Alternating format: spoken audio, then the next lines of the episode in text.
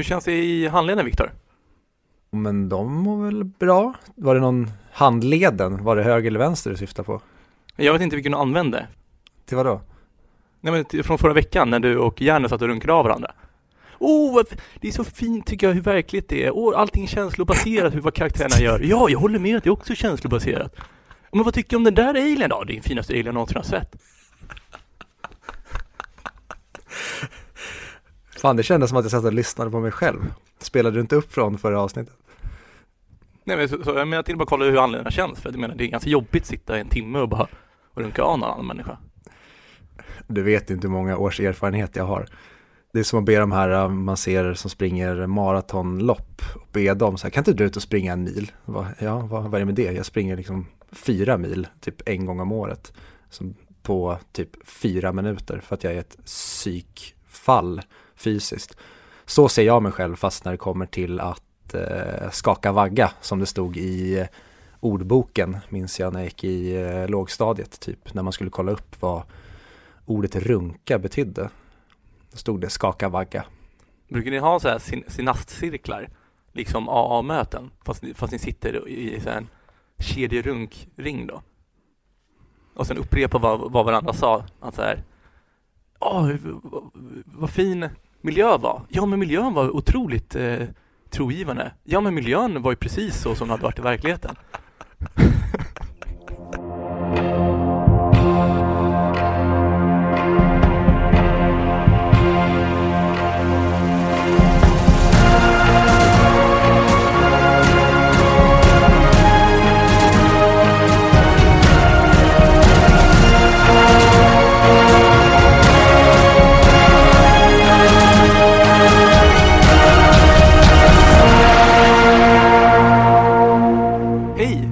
Och välkomna till 100 Mix Podcast. Det vill säga IMDBs topp 100-lista men inte Charlie Chaplin. Verkligen inte Charlie Chaplin. Som vanligt är vi då, har vi ett samarbete med Moviesin eh, som är en otrolig filmmagasin på nätet för alla som talar och läser svenska. Kan man säga så? Varför lät det rasistiskt av någon anledning?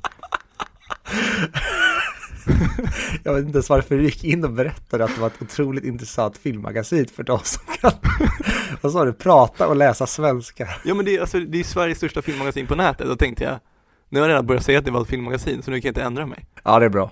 Ja, så det, är- det, du det är tydligt det. i alla fall att Moviesin är otroligt bra Och vi Ja, och de, vi görs i samarbete med Moviesin.se. Det kanske man ska börja säga framöver. Eh, Sveriges största filmmagasin för dig som kan läsa och prata svenska. Ja, men, eh, Jag förstår inte, hur blir det alltid så hackigt när jag ska presentera avsnittet? Jag har allting klart, och sen är det någonting som jag råkar slänga om Och sen är det kört Nu kommer vi aldrig återhämta oss från det här Ja, men hur som helst Den här veckan har vi kommit fram till placering 52 Som är då Rear Window från 1954 Det är alltså en film gjord av legenden Alfred Hitchcock Wow, tänker du? Jag älskar hur du uttalar det som kommer efter Hitch. Hitchcock. Men man måste lägga betoning på rätt ord i ordet. Bra, har vi fått det överstökat, går vi vidare till nästa. Eh, men också som vanligt så är vi då sponsrade av det fantastiska eh, tillverkaren av egentligen hörlurar och högtalare som heter Sudio. Sudio, det är ju de som har, har den asschyssta skandinaviska och minima, minimalistiska designen. Som har jättebra ljud, de har till och med brusreducerande hörlurar. De har även de utan eh, brusreducering om man vill eh, köpa lite billigare par. Men som vanligt har vi då en rabattkod via dem. Och de ska faktiskt nu börja till och med imorgon så har de 25% på hela deras sortiment på deras hemsida. Skriver ni in dessutom 100 mic 100 MICC så får ni ytterligare 10% så då får ni alltså 35% rabatt på hela deras sortiment. Eh, och som sagt, kampanjen börjar då gälla från och med imorgon och fortsätter till 12 november. Så det börjar på Singles Day. Perfekt eh, att köpa julklappar redan nu, planera för en gångs skull och inte gå ut dagen innan. Så 35% rabatt på hela sortimentet. Vad tycker du om det Viktor? Remember you belong to me. You'll be back, time will tell. Viktor? Oceans rise, empires fall. We have har aldrig sagt till mig att du kan sjunga opera. And when push Comes to shove I will send a fully armed battalion To remind you of my love da, da, da, da, da. Da, da, da, da, da, da, da. Ska någon sån här reklam för studio eller? Förlåt, vad sa du? Jag frågade vad du tyckte om studioerbjudandet. 35% rabatt med 100 mic-koden. Jaha, nej sorry, jag var fullt upptagen med att eh, dansa och sjunga till eh, You'll Be Back av eh, Jonathan Groff till eh, Hamilton-musikalen i min nya Studio 50-högtalare. Hörde du inte det? Jag, jag tyckte att ljudet var förvånansvärt bra.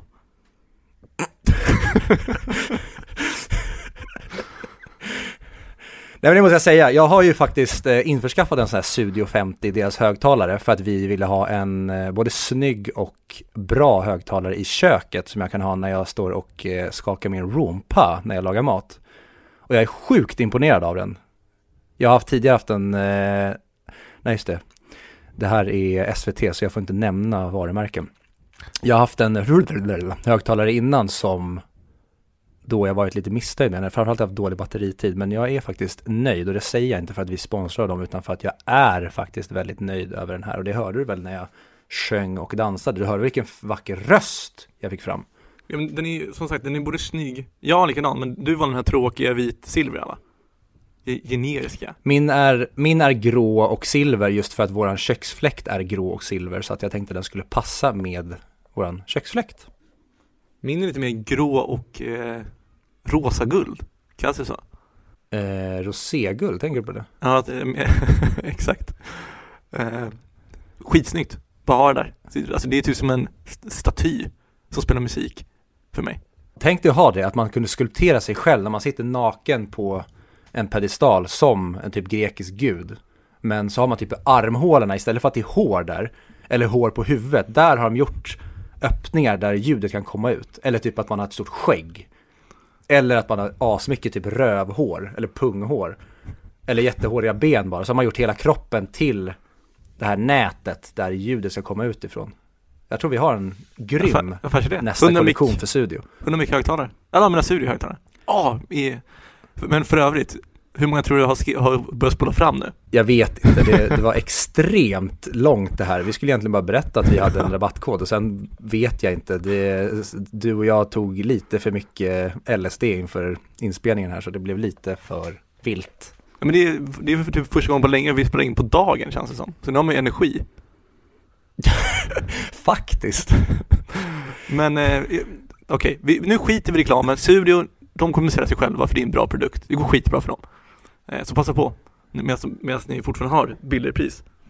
Har du sett någonting roligt den här veckan Viktor? Skönt att du gjorde en sån här smidig övergång. Ehm, jag har ju sett en jättebra film jag tänkte prata om som heter Rear Window. Nej, den eh, kommer vi till sen. Jag har faktiskt inte kollat på så mycket förutom att jag just nu tittar på Entourage med min eh, kära flickvän. Väldigt upplyftande när man ibland kan känna att hösten är lite mörk, kall och grå. Det är ju en fantastisk serie att ha, precis som vänner, som lyfter upp en från kanske att man känner sig som två eller tre plus, så blir man en nivå över. Så det är det jag har sett Mm. senaste veckan, typ. Kul. Du då? Jag har två saker egentligen. Förutom att jag håller på att kolla ikapp Du får bara Bad. nämna en. Okej. Ja men då, då nämner jag först Nej, en. du får nämna båda. Ja, okej. Jag hörde vad du sa, du får nämna båda. Eh, en är, för det, det, schack har ju slagit igenom som fan på internet, på Twitch och liknande. Då har ju schack blivit jättestort. De börjar streama schack och, och allt möjligt. Jag har ju följt med den flugan lite, så jag börjar spela lite schack också. Eh, vilket är jävligt kul. Och det kom ut en serie för inte alls så länge sedan som heter The Queen's Gambit på Netflix. Sju avsnitt, eh, baserat på en novell. Där det handlar om en ung tjej som är jättebra på att spela schack redan och börjar tävla i det. Vad heter hon? Hon heter Ann Anja Taylor-Joy heter hon. Det lät ju som ett porrnamn. Det tycker inte jag. Nej, le, levde bakom din fasad. Ja, ja, Vad är ett porrnamn? Aldrig hört talas om. Eh, hur som helst. Och, och men Saki Licky Sticky, det är ju ett jättebra porrnamn. ja, Sir Longwood. Det är också bra. det hade jag hetat. Sir Jag gillar Longwood. hur, du- hur du sa det. Longwood. ja, förlåt. Fortsätt. Okej, men jag, jag har även sett eh, Rocketman. Alltså biopicen på Elton John. Som också var på Netflix. Eh, och jag, jag, jag tycker det är så intressant med låtar och det som är med i filmer eller serier. Hur det kan få en att tycka om det mycket mer. Alltså nu när jag, nu när jag får skriftat texten till Your Song och han- medan han sitter och sjunger lite så dramatiskt. Så tycker jag att den blir mycket finare den låten. Och vill lyssna på den mycket mer. Jag förstår precis vad du menar. Jag hade samma typ av relation med eh. Johnny Cash när jag upptäckte honom. Ja, exakt med Walk the Line. Att jo, jag, jag gillade ju typ Ring of Fire hade man ju hört. Någon mer av hans mest klassiska, men framförallt Ring of Fire och, ja men Hurt. Den gjorde jag ju på ålderns höst, men hade ju koll på Johnny Cash innan jag såg Walk the Line.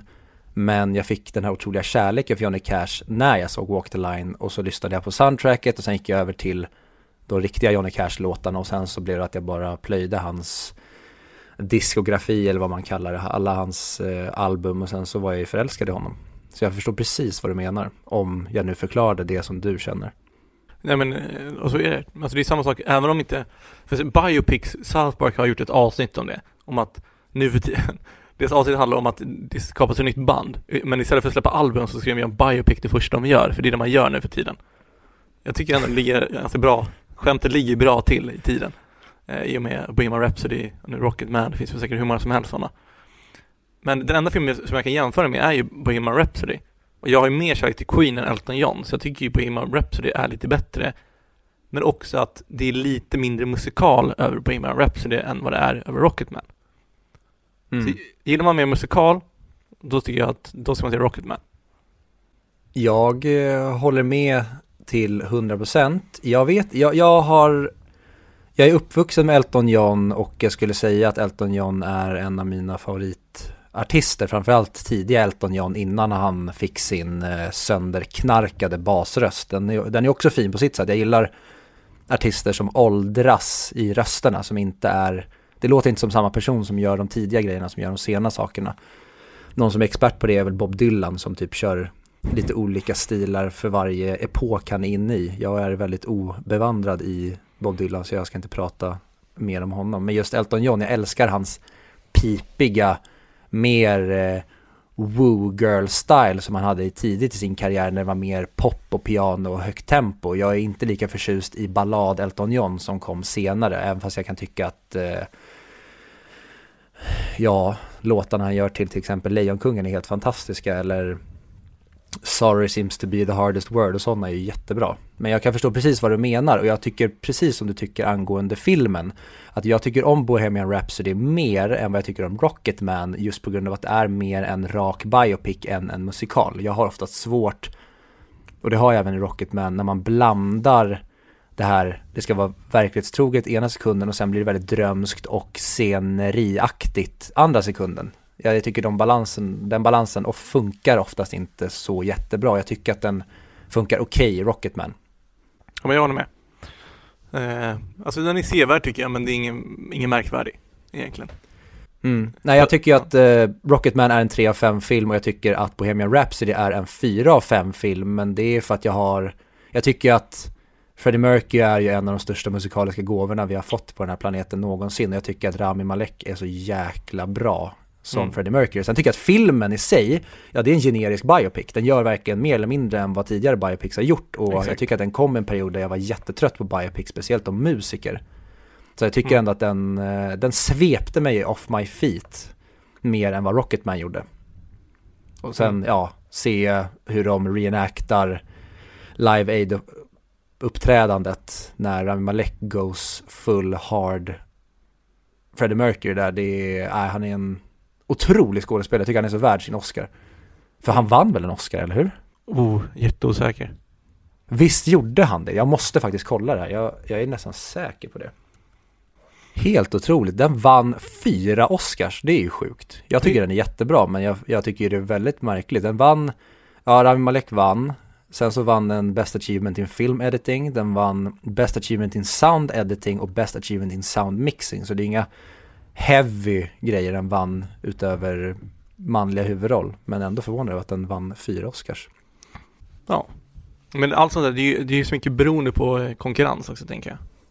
Det tror jag definitivt har. Det är det man, man glömmer ju ibland att många filmer som man tyckte var helt otrolig just i året den kom, de åldras ibland inte så bra och det är ju för att det blir en jäkla hype och det är ju en del i varför de säkert blir antagna och nominerade eller vinner Oscars. Det är ju för att marknadsföringsteamet gör ett så jäkla bra jobb och pumpar in den i skallen på den och försöker lyfta upp den som den här jätte, jättebra filmen. Men sen är, har filmer som ibland blir Oscarsnominerade en förmåga att åldras dåligt så när man tänker på dem något år eller tre eller fem senare så blir det att den var ju verkligen inte så bra som jag minns. Sen ser man om den och så är det så här, ja den var medioker, inte mer än så, men den var väldigt hypad just på grund av att den var en Oscars-nominerad film. Eller Exakt. håller du med? Ja men säg typ 94. Det måste ha varit det svåraste Oscar-året någonsin. Eller 99. Ja, något av de två. Eller Ja, ja. 2020. För då finns det inga kandidater. Jo, Tenet. Tenet kommer vinna fem Oscar. Jag säger det här nu. Boom. Kul, den är nominerad för allt. Det är bara, det finns inga konkurrenter. Nej. Det blir någon sån Adam Sandler bajsrulle som är med. Tänk om Adam Sandler vinner sin första Oscar. Det är synd. Har du sett Uncut Gems? Ja, det har jag. Det var ju väldigt synd. Jag tyckte han skulle vara nominerad där, för jag tycker han är jätte, jättebra i den rollen. Jag tycker han gör, om du ska använda, det här har vi pratat om tidigare när den kom, ska du använda Adam Sandler som är den jobbigaste, typ jobbigaste skådespelarrösten och spelar oftast de jobbigaste rollerna i Hollywood, då är det perfekt att sätta honom han är som gjord att spela den där juveleraren i Uncut Gems just därför att han är så Adam Sandlerlig Mm. när han är den här personen som bara sviker alla, han är hysterisk och skriker och bara egentligen lyssnar inte på någon och kör rakt in i kaklet. Så slutar med att, eh, ja det ska jag inte spoila, se bara Uncut Gems, jättebra film. Mm. Men nu när du pratade om just musikfilmer eller generellt filmmusik, en grej som jag har tänkt på är, har du typ låtar när du hör dem, det behöver inte vara låtar du gillar nödvändigtvis, men låtar som kan komma på radion eller att de dyker upp i ett visst sammanhang, så får du nästan som att du får spela upp en projektion framför dig av en episod eller en liten snutt ur tiden när den här låten kom eller låten eller tiden när låten var en del av typ din vardag. Det kan vara bara en period där du kanske hörde den i handbollshallen eller du råkade höra den på ett kalas eller förstår du vad jag menar? Ja, och väldigt, väldigt ofta då kan jag inte placera den. Utan jag får typ tillbaka känslan som jag fick av låten då. Och sen måste jag forska lite för att se varifrån den kommer. Mm. Det, det är nog liknande jag har där, men jag, jag har börjat upptäcka mer och mer, och det kanske är för att jag undermedvetet har utforskat känslan och sen har den blivit tydligare och jag har målat bilden tydligare och tydligare. Men jag tycker att mer och mer nu när det är filmer, och det har ju kommit framförallt de senaste tio åren med att Spotify växte fram, för tidigare så var det ju, musik var ju inte lika lättillgängligt, då var det ju ladda ner, men nu när du har allt på Spotify så blir det ibland att man bara vandrar runt bland olika genrer och låtar. Och så snubblar jag över en låt som att oj, den här har jag inte hört på 15 år eller 10 år. Eller Mm. oj, den här låten var ju under den här perioden i mitt liv. Och sen så blir det som att bilden målas tydligare och tydligare. Men jag hörde nyligen 1985 med Patrik Isaksson, har du hört den? Mm, det har jag hört. Vi spelar upp en liten snutt för den som inte vet vilken låt jag menar.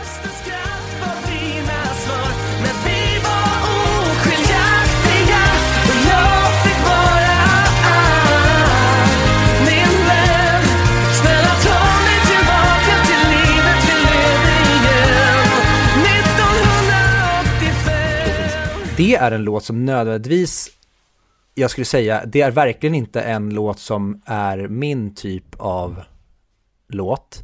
Men när jag hörde den för ett tag sedan så var det som att den gav fra, kom fram och slog mig hårt i magen och då förstod jag inte riktigt varför blir jag så berörd av den här känslan. Och då började jag fundera på det här och sen så gick jag igenom fler låtar och tänkte på, jaha, den här är likadan, det är inte min typ av låt, eller jag kanske tycker den är lite lökig, eller jag tycker inte om den. Men den, den, den berör mig på ett sätt som många andra låtar som jag älskar inte gör. Och då började jag nysta i det här och kom fram till att, jo men det är ju för att jag har en stark känslomässig koppling till det här, eller så är det för att jag har en stark, ett starkt minne som jag kan projicera framför mig. Den här låten spelades under det här ögonblicket under mitt liv. Mm. Och det är framförallt 1985 en sån, sån låt. Och då luskar jag så här, och det här, jag är verkligen ingen så här, ja det här händer mig, det är så jobbigt eller så, men jag har, jag har ju ett, jag har egentligen noll trauman i mitt liv. Jag med vissa polare brukar skämta om att jag har levt ett småbarnsliv hela mitt liv. Jag har varit väldigt skyddad från allting. Jag har inte varit med om några jobbiga saker egentligen, utan det jobbigaste i mitt liv har varit när mina föräldrar skilde sig. Och även det var väldigt smärtfritt. De skilde som vänner och det, ja, skitsamma. Men då kommer jag ihåg att just det, den här låten spelades under den perioden strax innan mina föräldrar skulle skilja sig. Så att där var en period där jag levde under den största osäkerheten i mitt liv. Så när jag hörde den här låten nu så var det som att det kom en slags nostalgi som jag gillade, men det var också någon slags vemodig smak i det hela. Att varför tycker jag om den här? Men så blev det att jag bara omfamnade låten och älskar att man kan framkalla de här gamla minnena med så starka känslor. Och då blir det så här, åh vad härligt att jag kan känna den här känslan igen när jag hör den här låten. Mm. Ja, men det är fint. Förstår du vad jag menar? Ma- Make any sense eller rantar jag på nu bara? Eh, nej, alltså du make 100% sens. Jag tycker det är samma sak med lukter också egentligen. Och det är ju Mm. lite så med, det är våra sinnen spelar ju ett spel med våra hjärna och vår, våra känslor. Eh, en, en kul grej är, du vet de här kritorna man fick i typ en, en sån gul box? Crayons, mm. ja. De gjorde om sitt recept en gång så att de inte luktade så mycket krita över sig.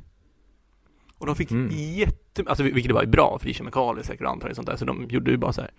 ja men det ska dofta bättre. För folk hade associerat de här kritorna från när de var små med den här doften. Så när de inte luktade sådär så blev folk jättebesvikna och klagade upp jättemycket på dem. Så de fick hur mycket klagomål som helst så de fick lägga tillbaka den doften igen på kritorna. Just det här Vet du hur det, det samspelar så mycket med nostalgi och känslor och minnen. vet du hur det var där om det var folk som började upptäcka det här eller var det att Crayon, eller vad nu märket heter, om de gick ut och berättade det här? Eller var det bara folk som, att det här upptäcktes rent empiriskt? Åh, bra fråga. Eh, det är jag inte helt säker på. Eh, hur upptäcktes, men För det skulle vara intressant att veta. ja, det hade faktiskt varit. Men det- det, ja, det är också tycker kul hur sinnen sp- samspelar. Till exempel eh, på Sprite. Jag vet inte om det här stämmer, jag har läst det här någonstans och det är inte helt 100% pålitligt som med allt, det känns som jag säger just nu. Eh, de ökade styrkan på det gula i Sprite-loggan. Och det, och det gjorde till att folk tyckte att det smakade mer citron.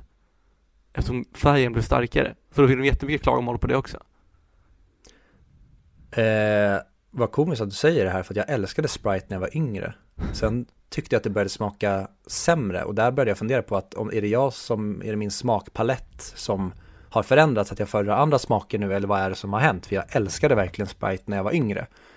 Och jag vet inte om det var på grund av att det kom någon Sprite Zero eller något sånt där, men som du säger nu när, när du påpekar att jag tyckte att designen också var lite oattraktiv. Det kanske var det att de gjorde typ den gula starkare, men det blev mer spacigt. Men det kan jag tycka med andra läskmärken också, eller generellt när företag ska rebranda sin design. Då blir det att jag tappar den här kärleken till när de ändrar om sin, sitt utseende eller då sin smak eller någonting som är associerat med det. Mm. Men jag, det tycker jag är intressant. Nu återgår jag till det, till det vi pratade om i början. Att om man ska göra en film. Men säg till exempel Bumblebee-filmen. Har du Mm. sett den? Nej, men jag har hört att den ska vara helt okej. Inte jag heller, men jag pratade med en som var kanske 40-50 års åldern Som var på ett jobb jag jobbade på, som, eh, som hade sett det med sin son Och då sa han att den här filmen är perfekt för sådana som mig För de spelar ju verkligen på alla nostalgi, nost, nostalgiminnen och i en sån, det är då man ska lägga in de här låtarna som var populära när de som är målgruppen var små det borde man egentligen kunna utnyttja i filmen, att spela på den här känslomässiga nostalgikänslan för att kunna få starkare eh, samband mellan titeln och filmen. Mm. Jag, jag tror att det görs i stor utsträckning. En film som jag tror 100% gör det, det är ju Guardians of the Galaxy. Att de gör ju det till ett gag i filmen, att han har sin mixtape eller sin kassettspelare från när han var kvar på jorden. Och så att det vi får höra genom hela filmen är ju typ om det, jag vet inte, det är väl 80-talslåtar eller 70-talslåtar. Som då Starlord har haft på sin kassettspelare genom hela sin uppväxt och då blir det soundtracket till filmen. Och då känns det som att man fångade in, dels så får de här låtarna nytt liv med en ny generation och sen tror jag att de personerna som då har lyssnat på de här låtarna back in the day, de tycker nog om filmen mer också, eller lockas av det. För jag har för mig att de kör Hooked on a feeling i trailern till Guardians of the Galaxy va? Det stämmer. Mm, men tror du att de gör det för att ge han en så här unik grej? Eller tror du att de gör det för att spela på att de vill locka fler personer som är födda 70-80-talet? Jag vill säga både och, men jag vet, jag har ju faktiskt ingen aning. Jag hoppas att det är båda, att de har varit smarta där. Mm, för det är ju genialiskt i så fall. Mm, För det, nej verkligen. det så blir det unik på att de har sån musik kontra de vanliga Avengers-filmerna. Så de, det är ju samma universum, samma typ av film, fast ändå olika. Ja, och om det är medvetet så är det briljant. Men en annan person som är briljant, det är ju Lars Thorwald i Rear Window.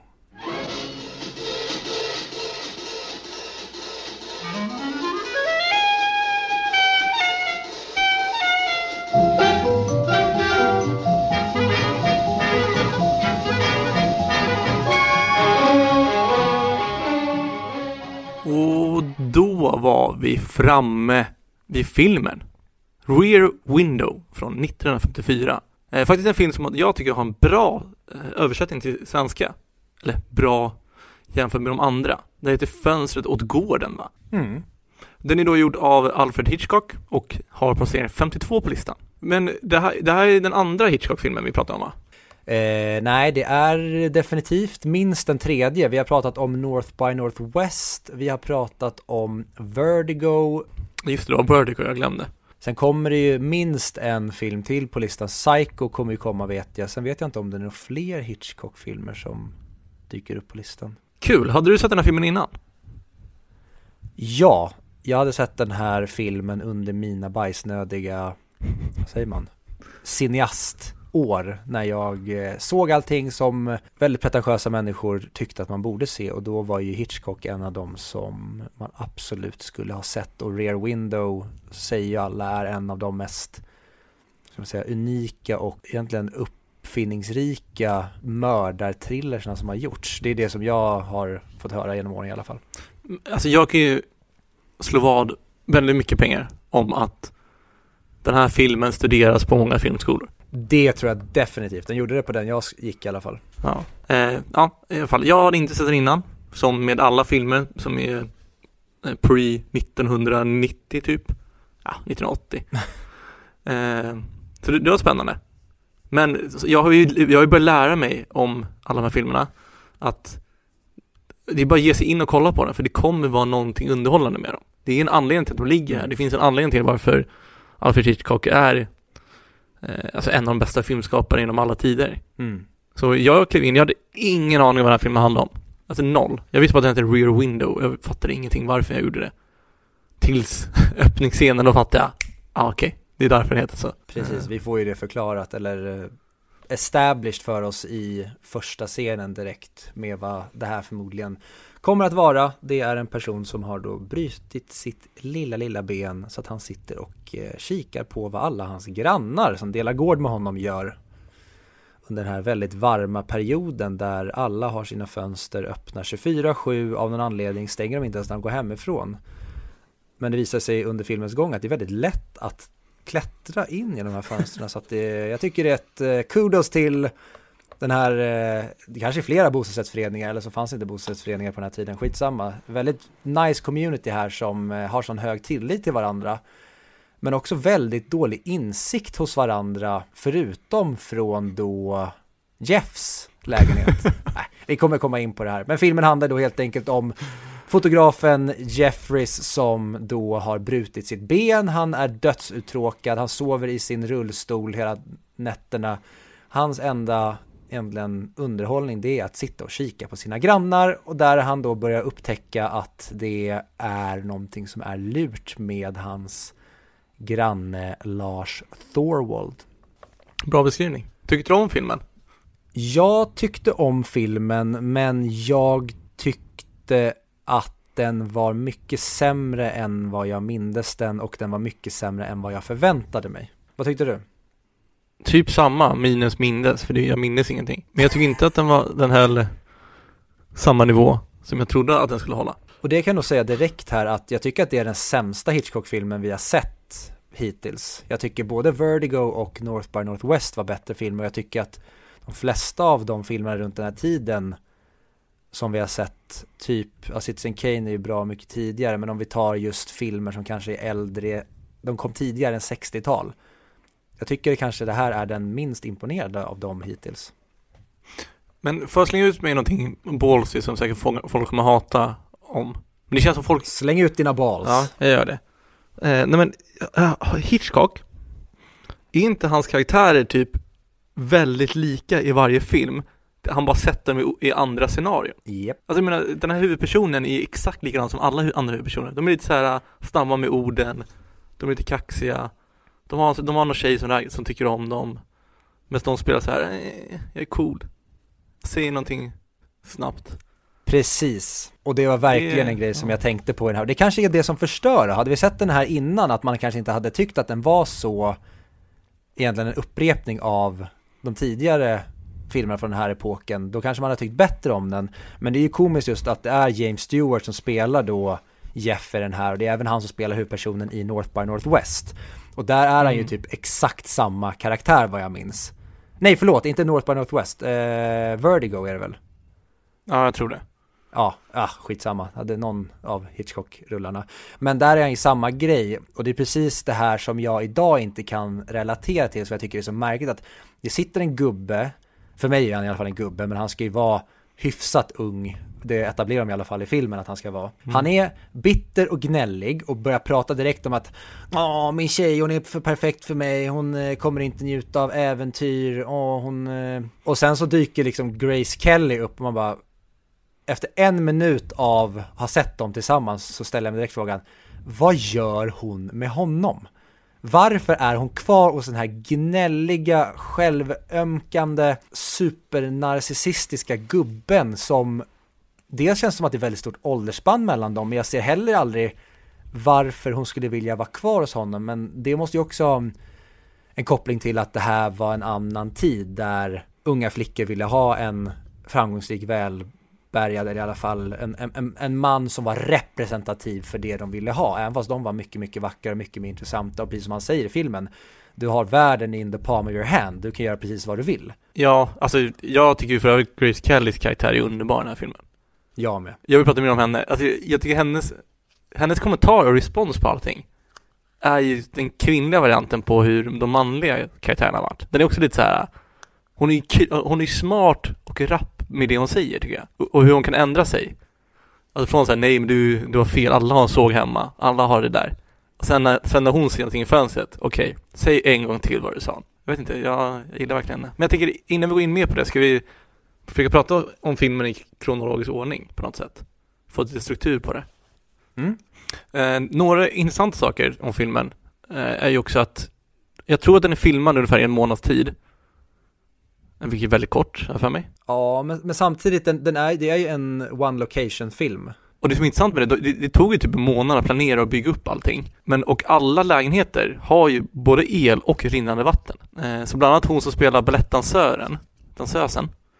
Jag, jag tror att hon bodde, den, ja jag tror det. Jag tror att det var hon som bo- bodde i sin lägenhet under den här månadens tiden. I alla fall några nätter som var kvar, för allting var ju beboeligt. De hade verkligen byggt allting från grunden. Mm. jag gillar eh, scenerierna och hur den här gården och allas fasader och allas eh, hem Det tycker jag är en helt fantastisk del av filmen. Jag tycker det är jätteroligt att se att det blir nästan Wes Andersonskt Att man, man bara, kameran flyttas mellan, den åker från från bostad till bostad så får man en inblick i deras små liv. Nästan lite som du vet så här Grand Budapest Hotel eller en annan där du börjar ett fönster och sen så åker kameran med bara parallellt ner till en annan, typ om någon går ut ur sin lägenhet och in i en annan längre ner. Då bara glider kameran ner, det blir väldigt nästan dockhusigt och det tycker jag är jätteroligt underhållande och det funkar kanonbra i den här filmen.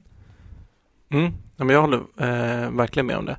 Eh, dessutom, all, all mu- musik i filmen kommer ju från i filmen. Det är ingenting att de har lagt på score eller någonting liknande, utan det är i så fall någon karaktär som spelar upp en låt eller spelar låten själv. Mm. Det tycker jag är intressant.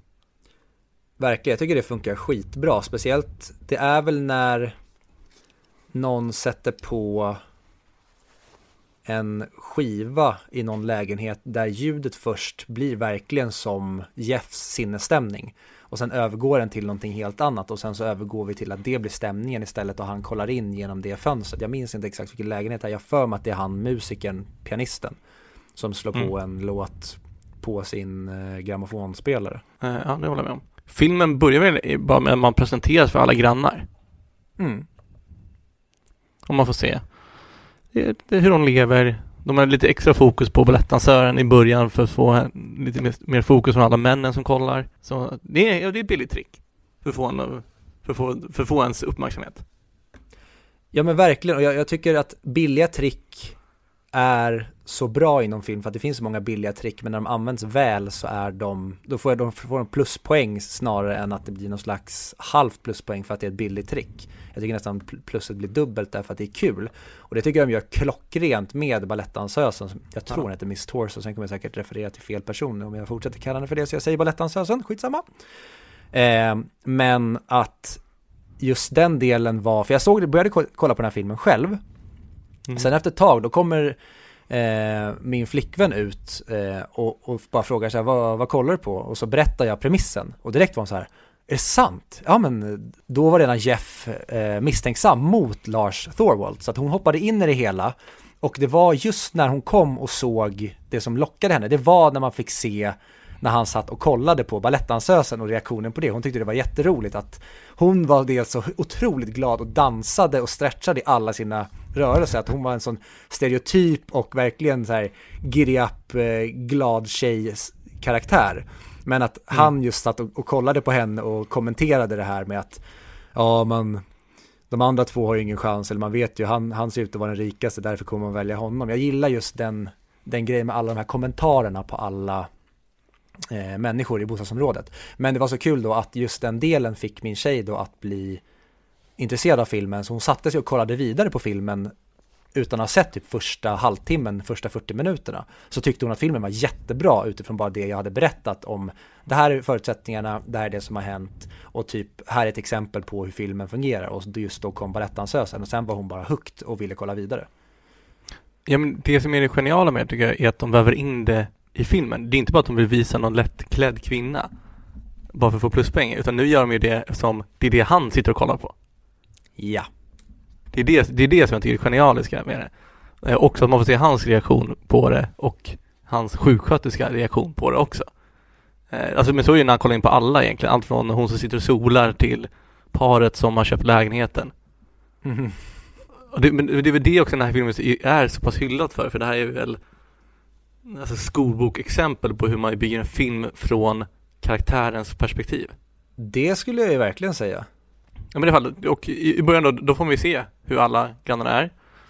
Och redan då märker man ju att det är ju synd om den här gubben, farbrorn på andra sidan.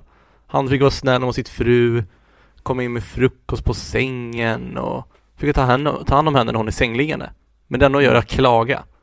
Det är någon gång som han kommer in med en bricka och då så hör man henne säga någonting som att jag hoppas att de är godare den här gången, eller vad hon säger. Ja, och det tycker jag är också en del av den här filmens briljans är att det är så otroligt mycket av filmen som utspelar sig ljudlöst utan vi får bara se händelserna, vi får inte höra orden de säger, konversationerna utan Hitchcock är väldigt duktig på att regissera där bara att vi får följa den här kvinnan till exempel som bor under Thorwalds, hon som då förbereder sig för en dejt eller som låtsas ha en dejt med någon och tränar sig. Vi förstår direkt vad som sker, antingen och jag tolkar i alla fall så att hon har förlorat någon, att det är någon som är borta nu och nu ska hon öva sig igen för att komma ut i datinglivet och testar för att hur det skulle vara någon att ha över på middag. Och det förstår vi genom att vi får inte höra någonting hon pratar om utan hon sitter bara där och skålar med en osynlig person, dukar upp, tar av hans hatt, lägger den där och där. Och samma sak som du säger med Thorwalds, man får inte riktigt höra vad de pratar om, man förstår genom deras kroppsspråk och blickar och det blir sån, så mycket kroppsligt skådespeleri i den här istället för att det är mycket babbel. Babblet får vi från Jeffrey och eh, Lisa och eh, sköterskan och de, de är de babbliga i den här filmen. Allting som vi ser ut genom fönstret är egentligen inte stumfilm, men nästan. Och jag tyckte det var så kul att du sa just det här med att de är så lika alla karaktärer från den här tidsepoken, att det är lite samma förhållande mellan männen och kvinnorna. Men som du säger, jag tycker ju att Grace Kellys karaktär, alltså Lisa, att hon, hon gör en så otroligt, det är hennes resa vi egentligen vi får följa genom det här. För Jeffrey, han, han är ju, eller Jeff, han är ju kvar på samma plats. Han sitter ju kvar bokstavligt i sin rullstol. Det enda är att han blir av med gipset i slutet. Men det är ju Lisa som går från den här och var den här lite snofsiga, uppklädda tjejen. Lite, för- han tycker att hon är fin i kanten, lite för bra för honom. Hon skulle aldrig kunna tänka sig ge sig ut på ett äventyr och vara i en krigszon eller dokumentera någonting farligt. För att det är inte den tjejen han är. Han har förutfattade meningar om henne och så kanske det är i början av filmen att han har rätt. Men hon gör den här jätteresan, vilket jag älskar med henne, att hon går från att vara lite pryd och kanske lite rädd för att smutsa ner sig till att hon klättrar in och håller på att bli mördad av mördaren. Hon blir verkligen den här äventyrliga kvinnan som gör att de sen i slutet kan vara tillsammans om han nu tråkigt nog gubbigt vägrar att ändra på sig för att han kommer bli olycklig om han tar ett fast jobb. Han vill ut och resa och, och leva. Men jag tycker att han hade fel redan i början, för hon kommer in med en jättefin outfit. får man ändå säga. Eh, och, och vad jag fattar som hade hon köpt den kjolen, tror jag det är, eh, någonstans i Paris och sen så har tagit med den och sålt den i en affär eller till affärer. Så hon är egentligen bara en businesswoman som åker runt och säljer kläder och det blir, alltså hon, hon, hon blir som en influencer ju. det är därför hon har på sig de kläder hon vill sälja. Mm. Men, men han beskrev henne bara som en bimbo som fick allting serverat till henne. Ja, han är ju gubbig där återigen. Och det tycker jag tycka är tråkigt med honom att han är ju väldigt envis och tråkig och bitter. Och det kan jag ändå köpa på ett sätt genom att de, han sitter i den här situationen med att han inte kan hålla på att röra sig någonstans. Den här otroliga hettan och att han blir uttråkad och ja, de presenterar ju ändå hans otålighet och hans situation så att man ska förstå det. Men jag köper den ju ändå inte. Det hade varit en grej om han suttit i rullstol resten av sitt liv eller vi vet inte om det kommer kunna gå igen. Då förstår jag mer hans frustration och hur han beter sig. Men när han vet att det här är sista veckan, det är en vecka till för i helvete, sen kan du ta bort gipset. Då tycker jag att hans grinighet och otroliga ibland provocerande otrevlighet mot framförallt Lisa men även mot eh, vad heter det, vårdaren, den blir så himla pastischig typ. Den blir lite överdriven. Ja, speciellt när hon Lisa kommer över och ska så här, ja ah, nu firar vi, det är bara en vecka kvar. Och så, så tar med middag och grejer. Så sitter han, Ja. han sitter bara i bitter. Alltså vilken gnällfitta han är. Varför är hon kvar med honom? Jag förstår inte. Nej, ja, det är absurt.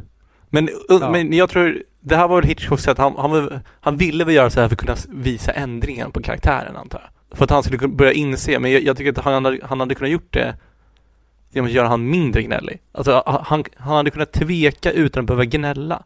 Ja. så mycket tycker jag. Nej, och sen då, sen efter när han ser alla paren och alla andra grannarna, då märker jag så här, fast jag är nog lycklig med henne ändå. Ja, eller att han till exempel ställer henne, alla de här grejerna som han tar för givet och antar om henne, som han egentligen, han lägger ju ord i munnen på henne istället för att han har gjort det, då hade han kunnat ställa frågorna till henne och i början av filmen så får hon svara om att Nej, jag kan inte tänka mig att göra det. Nej, det är ingen, ingen framtid jag ser. Alltså att hon får vara den personen i början och sen gör hon resan i slutet till att han kanske hade tänkt göra slut med henne då, baserat på de svaren hon ger honom i början. Men sen till slut så blir det att de växer ihop och han förstår att det här är kvinnan hon vill vara med. Det hade varit ett mycket mer smidigt sätt att presentera. Nu känns det som att Hitchcocks presentation av det här är lite som en elefant i en porslinsbutik. Att det blir att, jag, jag, jag, förstår vad, jag förstår vad du försöker göra här, men jag tycker att du är väldigt osmidig i ditt utförande. Det han gör i filmen, Hitchcock, är ju att han presenterar, det finns fler storylines som vi får följa. Mm. Eh, paret är inte så intressant, för det är ju, de, går- de går bara in och stänger gardinen egentligen. Så det är bara, det är en kuliss, eller vad man ska kalla det, statist kanske till och med. Ja, det, Eh, det, så det är lite vi- kul. Det är mycket kul i den här filmen också. Det är, Ja. den, den har ju, det är en väldigt bra komedi på det sättet att den är rolig på riktigt. Ja, också eh, pianisten som försöker perf eh, vet du, perfekti- perfektera, göra något så perfekt som möjligt i sitt, eh, sin musik. Han är också med som en statist, som, samma sak med balettdansören. All, alla har ju en funktion. Hon Miss Torso, hon är ju till för att visa hur Lisa är typ, eller hur han ser att Lisa är. Eh, pianisten är väl till för att göra musik till filmen, skulle jag gissa på. Paret är väl till för att visa hur, alltså en relation, en nykär relation, skulle jag gissa på. Medan hon där nere är ju till för att visa ensamhet. Eh, och sen så har vi ju hunden som är till för, okej, okej, en sak som inte jag förstår nu när jag går igenom alla. Varför sover de ute på balkongen? Ena paret. För det var så varmt. Just det. Och det tycker jag så också är en rolig humor i det här är att när det väl börjar regna, det tar så otroligt lång tid för dem att ta sig in med madrassen. Jag tänker bara snälla, snälla den blir dyngblöt. Vad gör ni? Kommer jag skynda er lite? Och sen så välter de ner klockan. Det blir väldigt rolig slapstick i, det, i den situationen. Ja men så att alla har ju sin funktion. Eller hon i solstolen vet inte varför hon är med. Vad, vad är hennes funktion i filmen? Hon gör väl sina skulpturer och sen chillar hon i solstolen har jag för mig. Men jag vet faktiskt inte. Det enda jag kan tänka mig att hon också representerar en del som att alla representerar eh, alltså någon slags det är relationer överallt. Det är egentligen allting vi får se ut genom fönstret här. Ja. Och då blir det ju att, som du säger, med att balettdansösen är ung och har möjligheter och är lite som han ser Lisa. Du har det här paret som precis flyttar in i sin lägenhet. Du har en person som har förlorat sin kärlek och bor kvar i lägenheten. Du har ett par som bråkar eller en kvinna som behandlar sin man illa. Du har lite olika alla de här stegen i relationer beroende på var i livet man befinner sig. Det tycker jag att det finns en stor mångfald av i, i filmen.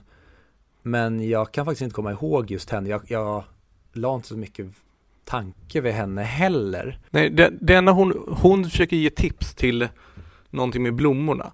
Och då blir han gubben lite sur, har för mig. Ja, jag vet faktiskt inte. Vi, vi får droppa henne. Hon, eh, hon gjorde tyvärr inte så stort intryck på någon av oss verkar det som. Nej, eh, min... Hmm. Jag tycker det är sant i alla fall. Listade ut ganska tidigt att han hade dödat sin fru.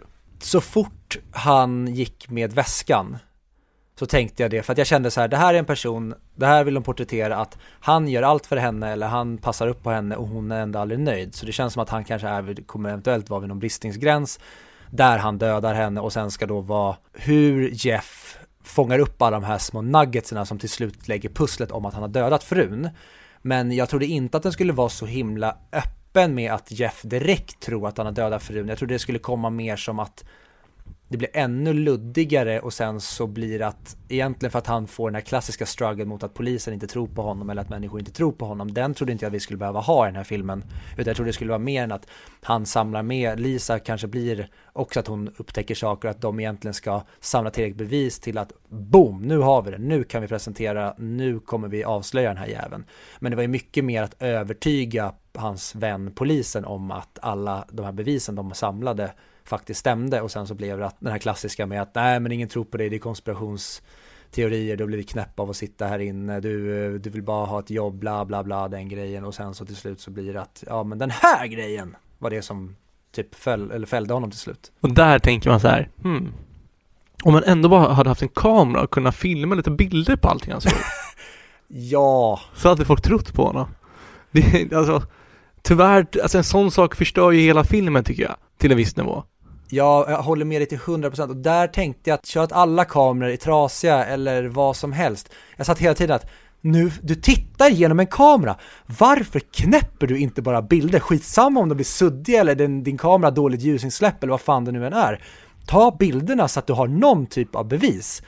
Men nej, det kan jag inte göra. Och sen så en grej som jag tyvärr så, jag tycker att den här filmen blir väldigt pajig, men jag tycker också att det, är en del av charmen med den. Men samtidigt ska jag behöva ska jag bedöma den utifrån vad det är den försöker göra och egentligen vad den lyckas med och vad den ligger på listan och sådana grejer. Jag ska, jag ska se det här för egentligen den filmen den försöker vara och den filmen den blir. Så tycker jag att det blir för mycket pajigt för att den ska nå upp till det som jag hoppas att, hoppades att den skulle vara. Men jag är också väldigt underhållen av den här, men jag tycker att den är på tok för generisk mot vad jag förväntade mig, eller mindes att det skulle vara. Jag trodde att den skulle vara mer wow. Men det blir väldigt ibland grejer som inte funkar, som till exempel, det är för ljust i hans lägenhet hela tiden. Att jag köper ju inte hela tiden att eh, Lars Thorwall Thorwald inte ska titta över och se honom. Sen blir det ju ännu pajigare när de pratar om att tänd och släck lampan. Eller backa bak ännu mer in i ljuset. Då, då blir det så att men då har du ju suttit synlig hela tiden och du har ju haft ett världens jävla teleskop eh, objektiv och din kikare och så har du glott på hans lägenhet. Och sen det här med att han har fönstren vidöppna hela tiden, Lars Thorwald, och aldrig stänger dem. Det blir också en sån här grej som att du hade bara fönstren eller stängda och fördragna typ när du dödade henne, eller när du styckade upp henne eller vad, vad hans misstankar nu är. Men sen resten av tiden, då är det vidöppet för att se alla, hur du beter dig efter mordet och alla grejer du håller på att gå in och ut med och sådana saker. Så jag tycker att alla grejerna de försöker göra roligt och eh, presentera, det, blir också det som fäller filmen. Ja, alltså jag ser ju lite filmer, tänker jag, när man ser kritik till dem, så, så ser jag att, att, att en, eh, när film presenterar sin premiss, eller vad den ska handla om, vad det är för typ av film och liknande, så är det som en tom bägare. Och sen så bedömer jag betyget utifrån hur väl den här bägaren sen blir fylld. Alltså till exempel, alltså, vissa filmer har mindre bägare som blir fylld till mindre. Till som barnfilmer kan inte bli fylld lika mycket tycker jag, som en vuxenfilm. Inom citattecken. Eh, och den här, jag tycker inte att den här fyller sin potential, alltså sin bägare hela vägen i och med att de gör det på det sättet. Det hade, det hade kunnat räckt med att när väl han såg alla saftiga saker som kniven och sågen och liknande, Mm. då låg kameran på en hylla som inte han nådde. Och sen när väl hon, sjuk- sjuksköts, när hon sjuksköterskan kom på besök, då kunde hon ta ner kameran, men då var han klar med allt det där, så då fanns det ingenting så här klockrent att fota. Jävligt bra poäng. Alltså, Det är direkt tänker jag, för då hade man fått förklaringen. Det är sådana saker jag, jag tycker är synd. Sen är det jättelätt att vara efterklok såklart, men vi måste ju fortfarande bedöma utifrån alltså hur filmen hade kunnat vara så bra som möjligt. Mm. Nej, jag håller verkligen med och det där tycker jag är en sån grej med det här att det, det är för ljust i hans lägenhet. Fotot hade fortfarande kunnat Mm. bli skitballt och häftigt och det hade nästan blivit coolare om det var ännu mer mörkt hela tiden där eh, Jeff och Lisa eller vilka nu som spejar för tillfället där de satt. Att de satt verkligen gömt i mörker, man kan se deras ögon som blänker mer och det är mer skuggigt, det blir ännu mer noir än vad det faktiskt är nu, för nu känns det för upplyst att man verkligen ser dem tydligt, vilket ger mig en bild av att men om Lars Thorwald bara kollar in i hans lägenhet nu så ser han att de sitter och glor på honom. Och det hela tiden störde jag mig på, sen blev det ännu värre det här med lampan och det att det känns som att den, den spårar ur lite för mycket och tappar sin trovärdighet för att det ska funka som du säger det här med till exempel kameran. Och det tycker jag Det, det, är så, det är så kul i slutet med lampan som du säger, när han går dit och efter fjärde gången fattar han fortfarande inte, men om jag blundar när, när han blundar? Det, det hade också varit en kul grej om han så här fintade att blunda. Och så- Men han använder inte lampan då, så ser han att Thorwald bl- blundar och sen när han väl tittar då tar han, alltså du är så här att mindgamea. ja. För nu, nu är det som att han är så här en dålig AI, dataspel som inte fattar någonting. Nej, så det, det är väl det att den, den, den är ju inte så bra utförd tycker jag som, som jag hoppades att den skulle vara. Och jag tänkte på det, det gjordes ju en remake av den här 1998 med, nu kommer jag inte ihåg vad han heter, men han är med i Superman. Eh, skitsamma.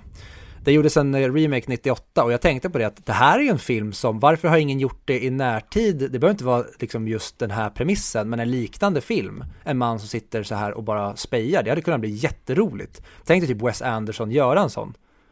Alltså Mm. nästan en remake på den här, det hade varit skitroligt. Vem har varit i huvudrollen då tycker du? Om vi ska ta Wes Anderson som gör den då.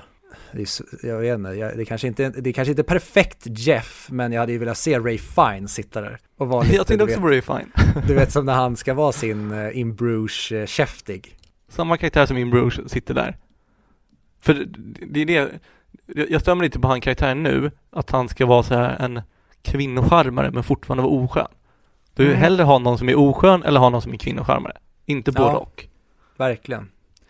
Och då hade Ray Fiennes som oskön varit perfekt. Åh, jag vill se om min Bruges. Jag älskar Jag Ray också. Fiennes när han svär och är otrevlig. Undrar om det finns på YouTube så här, Best of Ray Fiennes in, in Bruges. Jag kommer kolla på den efter det här. Ja, definitivt. Nej, kommer jag verkligen inte. Jag kommer se hela filmen. Jag ber om ursäkt, ni hörde fel. Jag, jag kommer inte hoppa i en film. Ja, men det hade ju varit en grej om den filmen bara hade haft Ray Fiennes som det är filmens stora underhållning men den har ju hur mycket bra, ja det är därför vi hade mer än på plats 99 eller 98 på den här istället för Charlie Chaplin-filmen. Det är ju för att den är ju enligt mig en av de bästa komedierna som har gjorts, kanske den filmen som passar mig bäst rent vad den gör som helhet med alla de huvudkaraktärerna vi har. Ja, ju fler filmer jag ser nu som ska vara hyllade och topp 100, ju mer uppskattar jag In Bruges, Mm. Faktiskt. Ja, jag med. Jag håller med. Men åter till eh, Rear Window. Jag gillar ju slutet på den. Jag, Mm. jag, jag tycker det är, det är ett lagom slut i den här filmen. För började du också tvivla på om han faktiskt hade mördat sin fru någon gång? Eller kände du att nej, han har mördat henne? Eh, Mm. Men inte till den grad att jag släppte det, utan det var mer som att okej, nu, bör, nu bör, vill filmen få oss att tvivla genom att den börjar styra bort från det här och polisen berättar alla grejer som backar upp Thorwalds alibi. Så att så här, okej, men jag, jag förstår vad filmen vill göra och nu börjar den locka oss bort härifrån och jag tycker de utför det snyggt med att han bekräftar allting med att hon ringde där och därifrån och ja, de skickade vykort och det och sen då blir det ytterligare ett hinder som då Jeff och eh, Lisa måste komma över. Men det var aldrig så att jag trodde att nej men han kommer aldrig vara oskyldig. Han har ju mördat den här personen, det är 100% säkert. Men jag tyckte det var lite kul hur de hur polisen sa no no no, det, det här har inte hänt och sen så fick de ytterligare ett hinder. Jag hade ju tyckt att filmen sög om Lisa hade gjort samma reaktion som polisen gör. Att hon Mm. inte trodde på honom sådär tidigt heller, för det var en jättelättnad kände jag att Åh vad skönt att hon är med på tåget nu, det här kommer bli kul. Och jättebra Mm. skämt från eh, Lisa, så också en del av humorn i den här som funkar så bra. Det är ju när hon blir arg på honom och säger att You'll not see me for a long time. At least not until tomorrow night. Ja. men det är så kul. Eh, ja men det är ändå humor som ändå håller idag. Det kanske, den hade inte gjorts idag, men den håller fortfarande till idag. Tänker jag. Mm. Men det är kul, för jag tänkte på om de hade gjort en likadan film nu. Det känns, ifall för typ fem år sedan, då hade ju slutet varit att det var han som såg i syne och skapade sina egna fantasier. För att han var uttråkad ensam. ja, då hade inte det, han varit mördaren ja, men det tänkte jag på i och med att det är Hitchcock som gör den och vi har ju sett Vertigo där han just leker med det konceptet. Jag tänkte att kan det bli ett något sånt koncept i det här att det blir som i Vertigo att han blir sjuk i huvudet till slut för att han sitter i det här fängelset som är hans rullstol och det är varmt och han börjar nysta ihop det här för att han är uttråkad. Kan det vara så vid någon tidpunkt att folk börjar prata om att du har tappat förståndet? Men det fick vi aldrig. Men det hade varit roligt att se och det som du säger, det hade nog gjorts idag. Jag tror inte man vågade göra det förr i tiden. För då hade det snarare varit att de lägger fram så här, men kolla det, det är det här du såg och det här. Så att de tror att de är sjuka i huvudet, men de är, inte är det.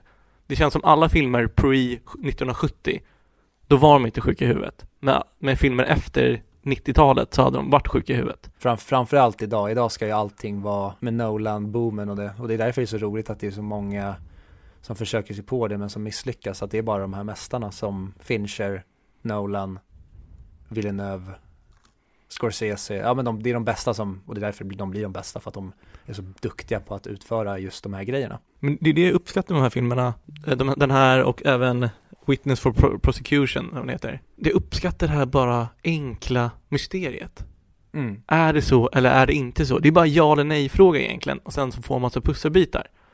Och det är ofta snygga pusselbitar som det där med tulpanen. Det, alltså, det känns som en typ av escape room ledtråd. Här har Mm. du två bilder, hitta skillnaden. Men den här tulpanen är ju kortare, varför är den det? Okej, då måste man ha grävt ner någonting där. Det är bara så här, det är enkel logik. Det uppskattar jag med filmen. Även med kistan. Men varför skulle han ha så mycket tråd på kistan? Ja, men låset är borta. Okej, det är plausible, men stämmer det verkligen? Ja, nej, men det är, det är ro, roliga lösningar. Det hade typ funkat perfekt i ett Tänk dig ett dataspel där man sitter och ser från fönstret, då ska man iaktta folk och titta med kikare och sånt. Ja. Det hade ju varit sådana här perfekta spelgrejer. Ja men lite mordgåtslösar dataspel. De är tillräckligt enkla och roliga för att du ska vilja spela vidare. Det är inte en för stor mindfuck att du inte hänger med för fem öre och sen i slutet blir det boom! Okej, nu förstår vi. Utan du hänger hela tiden med i den här filmen och ska egentligen bara vara lite Okej, det här var en lite luddig och lite rolig grej. Kan det vara så att den kommer leda fram till det? Ja, kanske. Eller den kommer i alla fall ta honom i, i rätt riktning och sen så får pusselbit på pusselbit komma och det är pusselbitar som är roliga och lättföljda. Ja, men jag tycker den här, det var en väldigt enkel film att kolla på. I och med, Mm. Man var ju avslappnad när man bara fick vara, eller jag tycker att man känner sig trygg att man bara behövde vara i hans rum. Mm. Du fick den här jag sitter på soffan-känslan. Du började inte ut i en annan miljö och orientera dig, utan du blev presenterad i början, så här kommer det se ut. Och så här kommer det fortsätta se ut. Och därför blir man så rädd sen när Thorwald kommer in hos honom.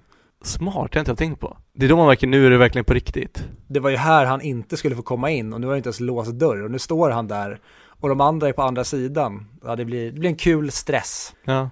Har du något mer du vill ta upp eller ska vi börja prata om betyget? Nej, men jag tycker vi kan gå på betyg. Det, jag tycker vi har sagt mycket, både ris och ros. Vill du börja då, Mr. Ris? Mm. Och jag tror nog tyvärr, jag vet inte, jag sa ju det tidigare, det kan vara så att de andra filmerna runt den här tiden har sabbat den här för mig. Det kan även vara filmer som har kommit efter det som har gett sig på det här konceptet som har sabbat det för mig. Men jag har försökt ställa mig utanför det och försökt se det som en egen film. Men även då så tycker jag att den faller lite, även fast jag var väldigt underhållen av den. Så att det landar nog på en 7 av 10 det här. Ursäkta, stoppa pressarna? Va? En cineastisk Mm. film som den här ger du en sjua till? Ja, för jag tycker att så här, ja, jag vet vad den försöker göra, jag förstår hur den har åldrats och var den här kommer ifrån och de sakerna, men jag tycker inte att den håller på många plan idag och då tyvärr så, när det tar mig ur filmen så många gånger som det gör så blir det inte mer. Fortfarande, 7 av 10 är ett jättebra betyg. Alltså det är, det är verkligen, det, den skulle kunna vara uppe snudde på en 8 också, så det är ju en bra film. Jag tycker den är jättebra, jag skulle rekommendera den till andra, jag ser gärna om den för jag tycker att den är bra, men det är ingen film som är wow för mig. Och jag tycker inte den är hemma på topp 100, inte 250 heller. Jag tycker Vertigo till exempel är en bet mycket bättre film. Mm. Men om, okej, om Engberg och Järner hade suttit här och sagt att det här är 9 av 10 film. Hade du vågat säga ge en sjua då också? Eller bara för att du pratar med mig? Jag hade, nej, då, hade den varit 10 av 10. jag vet. Förlåt, jag blev bara hetsa lite. Eh, Okej, så du gav den en sjua. Det är Ja. tråkigt, för jag hade tänkt ge den en sjua eller åtta. Det är, det är allt som bäst när vi är oense, tycker folk tror jag. Alltså jag tycker den här hör hemma på topp 250. Jag tycker den är tillräckligt underhållande. Men jag vet inte om det är sju eller åtta för mig. Men den, den får fan en sjua för det är för mycket misstag som är så enkla att göra någonting åt tycker jag. Alltså det, det är Mm. inte som med Alien där det som har, alltså tycke, alltså smak och tycke att så här, ja, agerar de ra- rationellt eller inte? Det kan man se på olika sätt, som man sa av ringen. Hade de kunnat använda örnarna eller inte? Alltså det är så här, det är inga klockor, men nu är det verkligen så här, men ta en bild och håller i kameran. Alltså sådana små saker som är irriterande och som de kunde presentera på ett bättre sätt. Ja, det är ju misstag som filmskaparen har missat snarare än att det är någonting som karaktärerna gör bort sig med i filmen. Det är ett steg tidigare som man kan se det här på. Om du, om du tar upp det här och löser problemet tidigare så kan du undvika problem medan, som du säger, det är smak och tycke om hur, ag- hur karaktärer agerar. Det är mer att det är ju, som du säger, smak och tycke snarare än att här är det ju en logisk grej som är konstig, som man borde ha upptäckt när man då producerar filmen. Ja, eh, otroligt bra sagt. Jag håller med. Fan, jag har svårt att låta seriös när jag ger beröm. Mm. Eh, men, ja, den får en stark sjua. Så du vet, den är på bristningsgränsen till att bli en åtta. Men ja men det är sam den samma var- för mig. Ja, men nu, den är upp till, alltså säg, hade varit på IMDB hade det varit 7,8 kanske. Mm. Men fortfarande en sjua. Mm. Eh, men jag tycker den förtjänar topp 250 i alla fall.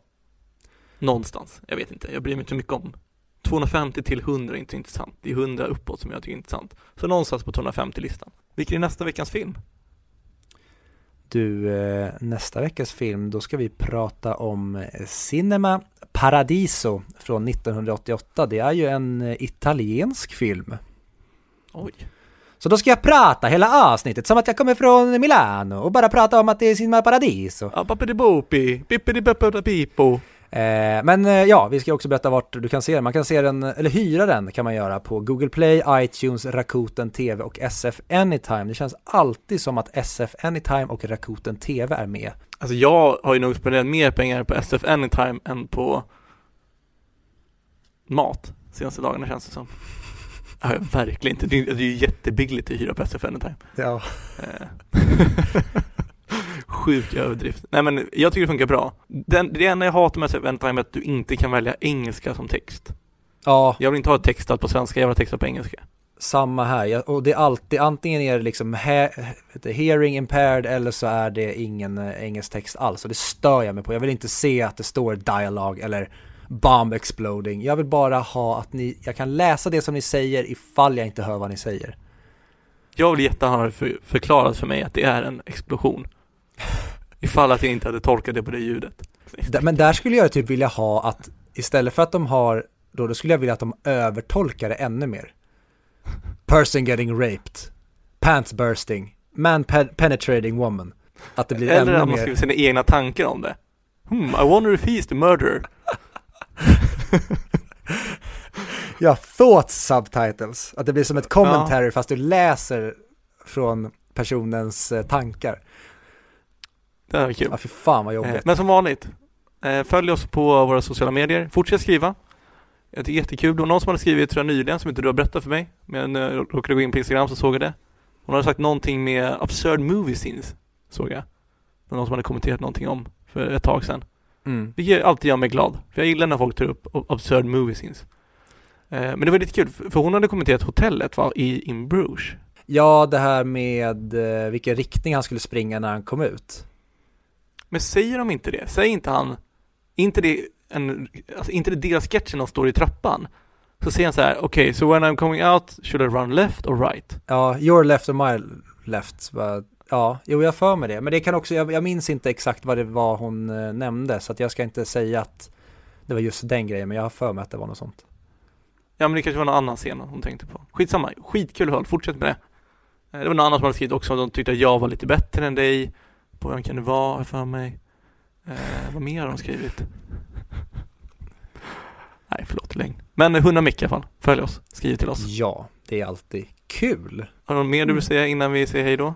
Nej, och börjar jag säga någonting så kommer vi inte avsluta. Så att jag tycker att vi eh, ger oss där och säger hej då för den här veckan. Så hörs vi nästa vecka när det är dags för Cinema Paradiso som jag är väldigt taggad på för jag har inte sett den. Men jag har hört väldigt, väldigt gott om den. Bra, då säger vi så. Mm. Hej. Adjö.